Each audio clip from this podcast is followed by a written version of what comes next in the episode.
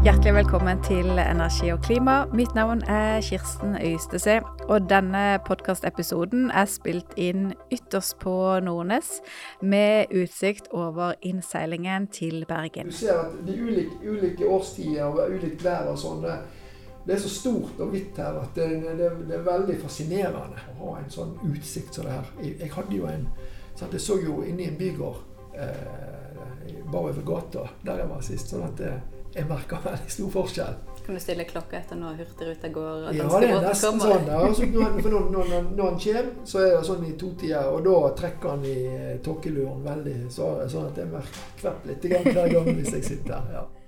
Nils Gunnar Kvamstø er direktør ved Havforskningsinstituttet i en tid der lyskasterne er vendt mot havet. Havet skal huse lager for karbon, det skal gi mer energi, ikke minst havvind, og det skal gi mer sjømat og mineraler.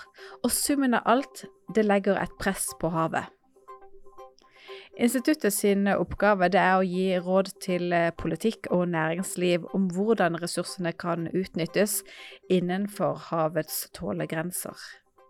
Jeg er jo vokst opp um med å ha Vi har hatt en liten robåt, og, og familien har hatt tilgang til, eh, til ei hytte eh, inn, inn, i Sørfjorden. Og, og som, eh, som, liten så var vi mye med sjøen og bada og, og fiska. Og, og, det å på en måte sitte i, i, i robåten og pilke, som vi sa, i, i, kveldingen når solen gikk ned og sånn, det var ja, det er, det er opplevelser som jeg ennå liksom tenker på som veldig gode.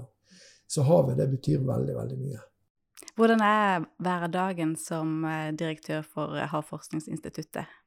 Først og fremst veldig interessant og hyggelig.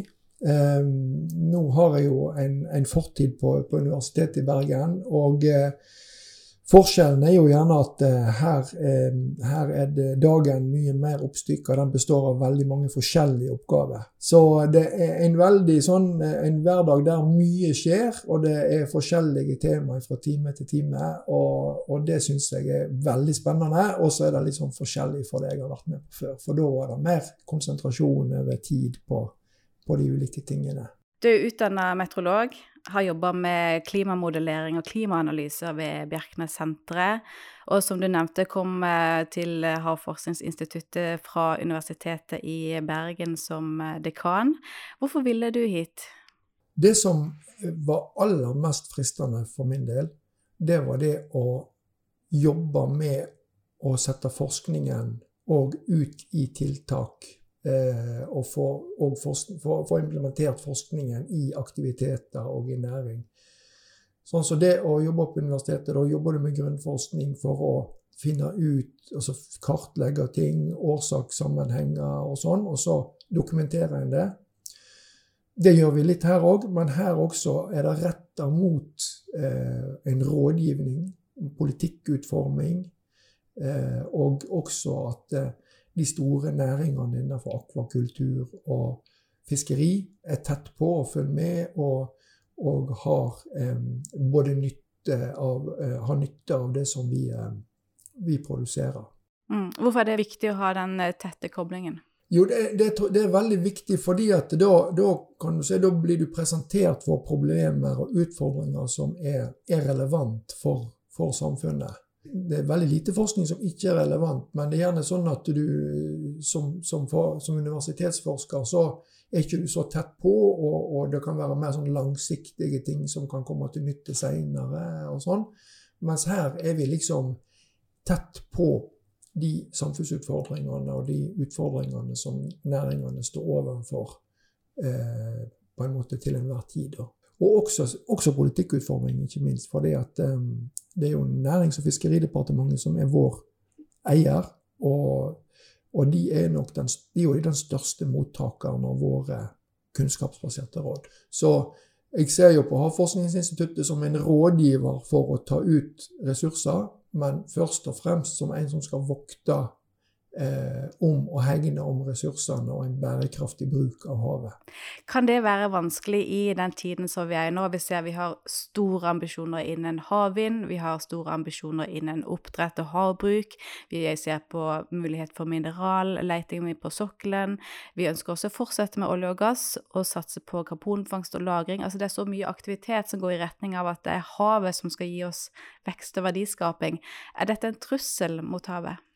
Ja, det kan bli en trussel mot havet. I noen grad så er jo selvfølgelig havet robust, men det er mange aktiviteter, sånn som du nevner, og det er summen av de som på en måte utgjør et press på økosystemene i havet. Eh, og, det, og det, er no, det, er den måten vi nå har begynt å jobbe på, at, at vi prøver å hva skal vi si, kvantifisere summen av alle pressområdene og se at ikke den er for, for stor, og at økosystemene eh, finner tålegrensene og vurderer risikoen for hvor stort press summen av aktiviteten utgjør på, de ulike, ulike de, på økosystemet i de ulike havområdene. Hvordan kan dere da være med å sette si, en tålegrense for hvor mye som blir for mye da i sum?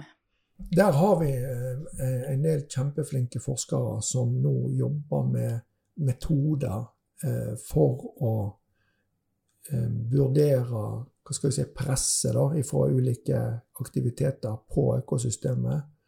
Og, og de metodene er jo det er, jo gjerne modeller og, og litt mer sånn teori, et teorigrunnlag bak de, men samtidig som så kan vi parallelt med det måle og, og, gjøre trålkast og måle sitt, eh, tilstanden i havet og overvåke tilstanden i havet for å se at disse, eh, se at disse vurderingene er, er, er riktige. Slik at det, det å sammenholde eh, målingene og overvåkningen vår med det vi kan om havsystemene og, og økosystemene. Men tilbake litt til det som kommer av ny aktivitet, eh, som offshore vind og kanskje mineralaktivitet, gruveaktivitet på noe lengre sikt.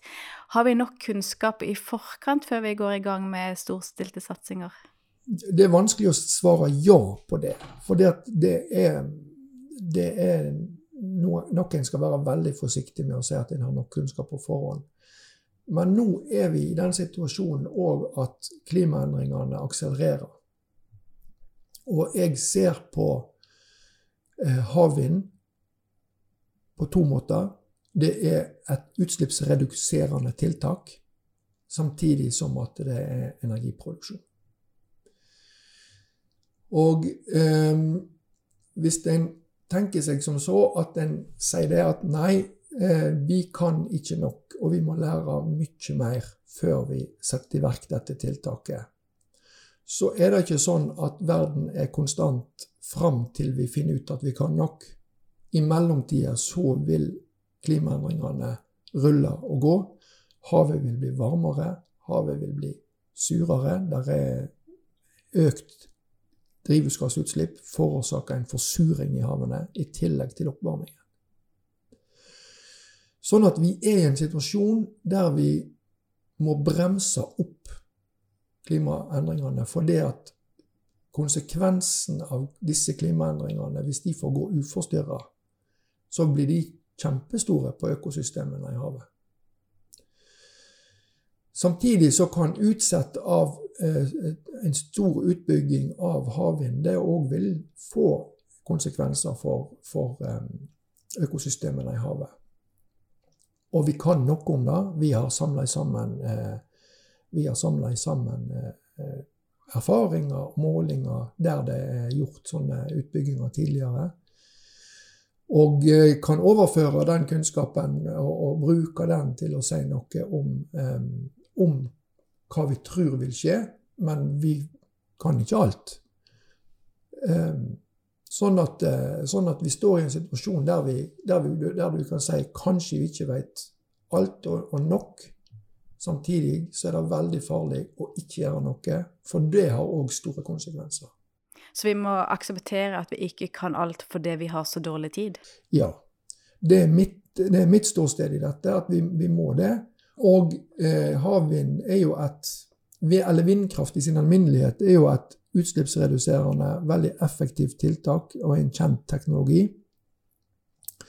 Og så er det jo noen eh, sånne utfordringer energimessig knytta til at det, det, produseres vind når det blåser og ikke, slik at det er en varierende kilde. Men det er et problem som jeg tror er løsbart, og som, som en kan finne teknologier for å håndtere. Eh, sånn, at, sånn, at, det er et rent fornybart eh, en, en, du si, tiltak som går på ressursutnyttelse og energiinnhenting. Og gjort i stor nok skala og effektivt, så vil det redusere CO2-utslippene. Og på den måten, som jeg sa, eh, minske drivhuseffekten sin effekt på eh, negative effekter på økosystemene i havet. Samtidig så kan vi kanskje ikke nok om effektene disse eh, vindparkene vil ha på både havstrømmer, på økosystemene i havet og sånn. Som sagt, vi har noe, vi har jo noe kunnskap. Kanskje ikke nok. Så da er mitt råd at vi eh, begynner med dette, men samtidig forsker veldig hardt mens vi bygger ut. Sånn at vi erverver oss kunnskap etter hvert som, som en jobber med dette. Det tror jeg er et kompromiss som en må gjøre i den verden vi lever i nå. I tillegg til eh, offshore vind så har vi jo også store ambisjoner på bl.a. havbruk. Og det ligger vel til grunn i hvert fall noen som har eh, ønske om en femdobling av produksjonen av laks og ørret innen 2050. Er dette også noe som du ser er nødvendig for å skaffe mer mat eh, til en voksende befolkning med lavere klimaavtrykk enn en hvert fall biff og, og en del andre ting, eller hvordan ser du på det?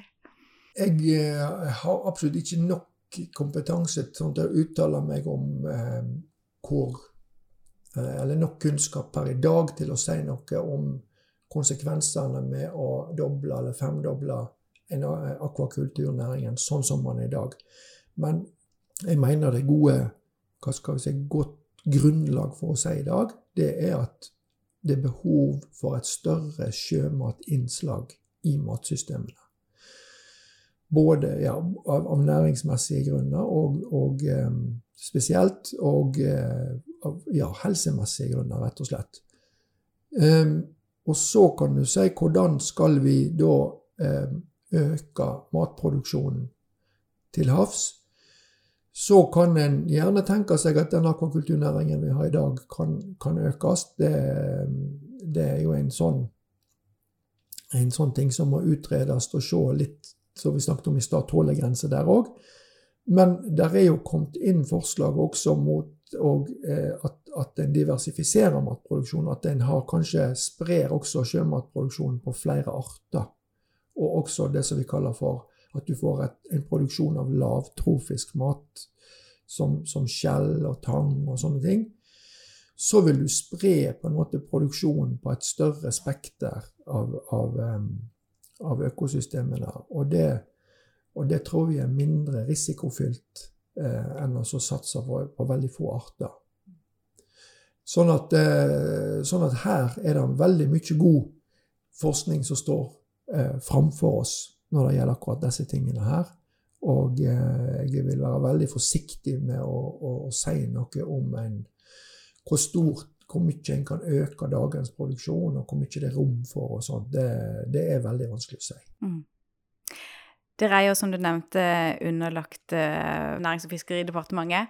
Og med de politiske ambisjonene som vi har vært inne på, blir da forskningen på en måte på havets parti mot uh, disse ambisjonene, som, som, kan være ganske voldsomme? Nei, vi er en fri og uavhengig aktør. Uh, og det har departementet en Eh, en veldig god forståelse av, og vi har en, en veldig god eh, dialog og samkvem rundt det. Slik at, slik at vi får eh, Klart vi, vi får problemområdet og eh, hva skal du si, problemstillinger eller kompleks eh, fra departementet som vi skal utrede, men vi står helt fritt til å bruke hva metoder vi vil bruke. Og vi, vi får jo absolutt ikke noen som helst innblanding i hva resultatet skal være, eller ønsket resultat. Så der står vi helt fritt. Og, og det tror jeg at det er sånn det må være for at våre råd skal ha troverdighet.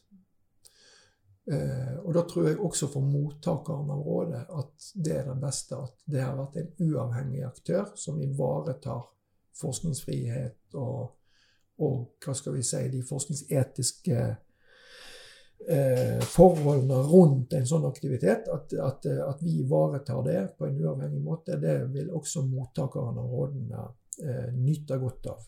Samtidig som at vi beholder en uavhengig status. Og så er det også veldig viktig at vi jobber med kvaliteten. Fordi at kvaliteten av forskningen vår og de kunnskapsbaserte rådene det er også veldig viktig for oss opprettholde for å ha god troverdighet og ha en god stemning. Mm. Du var inne på klimakrisen, og klimaendringene de merkes jo over hele kloden. Vi har jo sett i sommer hvor hvordan tørke og eh, varme og flom i Pakistan Altså alle merker det på, på, ulike måter. Og også i havet. Det blir varmere, det blir surere. Hva er de mest alvorlige konsekvensene av klimaendringene for havet? Jeg tror det kombinasjonen av varmen og surheten. Sånn som jeg oppfatter det, så er det litt sånn Det er forskjellig i Atlanterhavet og Stillehavet. Stillehavet er litt surere enn Atlanterhavet men så jo Men så har jo de, de systemene og økosystemene og livet i de ulike havbassengene har jo tilpassa seg gjennom tusenvis av år. Det klimaet og de miljøomgivelsene som er der. Sånn at det er vanskelig å overføre, kan du si, og si at, ja, hvis det, sant, at, det, at ja, det kan bli mer likt her enn der, osv.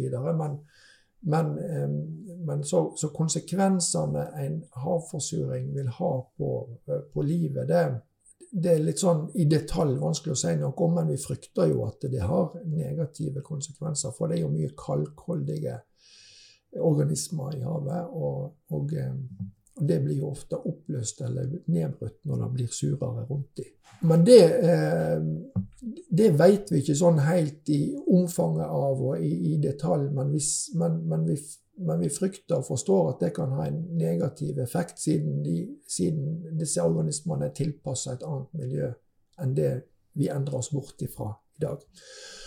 Og så Når det gjelder også varme, så ser vi jo kanskje mer at eh, eh, vår fall overvåkning i nord, i Barentshavet og sånn, der ser vi at, at eh, vi får en atlantifisering. Altså at vannmassene blir mer lik i Barentshavet og nær i Arktis blir mer lik den som vi har i, i Atlanterhavet. Og vi ser at de arktiske artene, i alle fall nå, eh, de, siste, de siste årene har gått litt tilbake. Og så ser vi en nordlig migrasjon av de mer varmekjære artene som vi ikke har hatt så mye av her før. De ser vi, de kommer, kommer, kommer nordover. Så det er i alle fall sånne tendenser, og sånne mer sånn overordna tendenser, som, som, vi ser. Og så kan du si det at eh, hvor langt dette går, og, hva, og, og hvordan eh, tålegrenser og sånne ting eh, er, det, det, det vet vi ikke skikkelig ennå. Men men eh, det, dette er iallfall de tidlige tegnene på, på, de, på, Eller tidlige effekter av de endringene som vi ser. Hvis vi ser frem mot uh, 2100, hva vil bli Sånn som vi kjenner de systemene i dag, da, hva vil være de største endringene i våre havområder som følge av klimaendringene?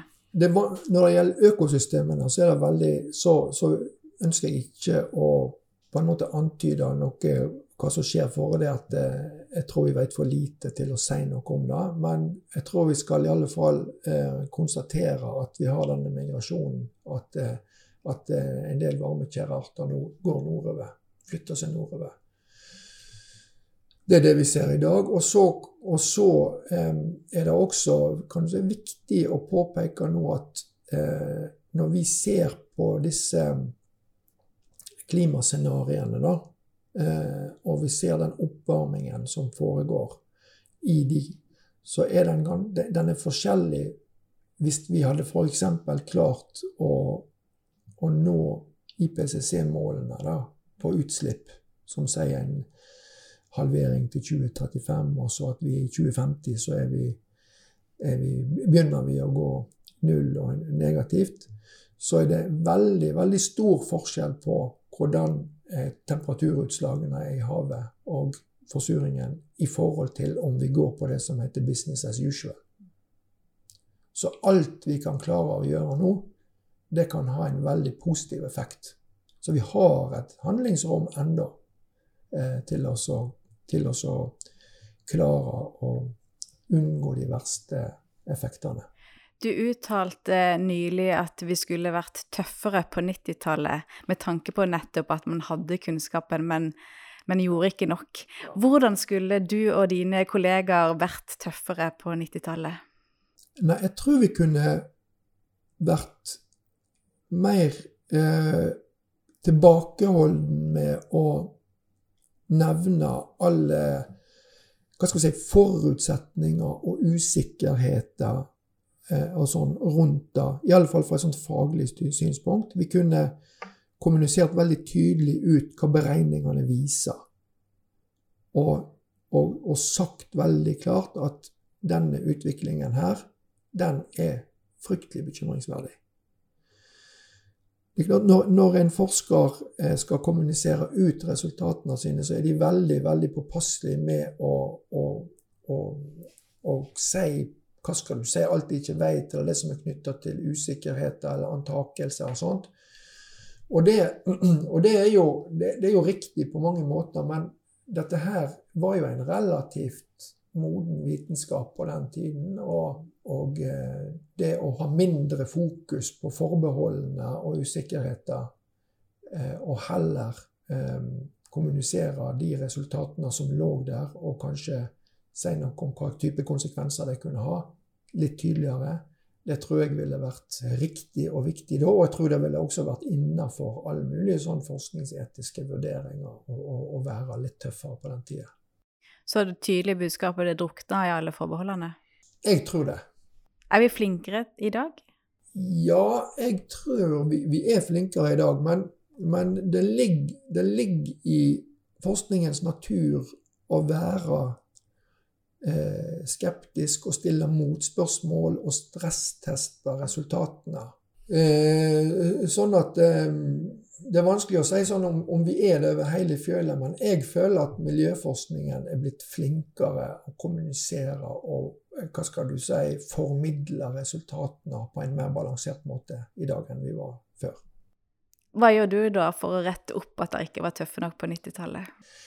Nå prøver jeg å være veldig tydelig og kommunisere ut eh, det som det som prediksjonene og, og scenarioene viser, og, og, og, i dag vet vi jo at de, de forutsigelsene som vi, vi, gjorde, de beregningene som vi gjorde den gangen, at de er rett. Og så, så, så, du kan si at i all hovedsak Så det viser jo at de metodene og det som ble utvikla, er ganske godt. Så nå føler jeg meg jo selvfølgelig mye sikrere på å, å si det. Men vi, men, vi, men vi burde vært litt flinkere å kommunisere den gangen. Hva er ditt budskap i dag? I dag er mitt budskap det at klimaendringene de er her og nå. Den takten de klimaendringene har økt med fram til i dag, den vil bare øke hvis ikke vi gjør noe. Og det er et, eh, det er et eh, nesten et hva skal vi si, et eksistensielt problem. Det vil bety veldig mye for, for samfunnet om eh, Og vi vil få store utfordringer hvis, dette, hvis det, denne galeien fortsetter, og vi ikke får gjort noe med det.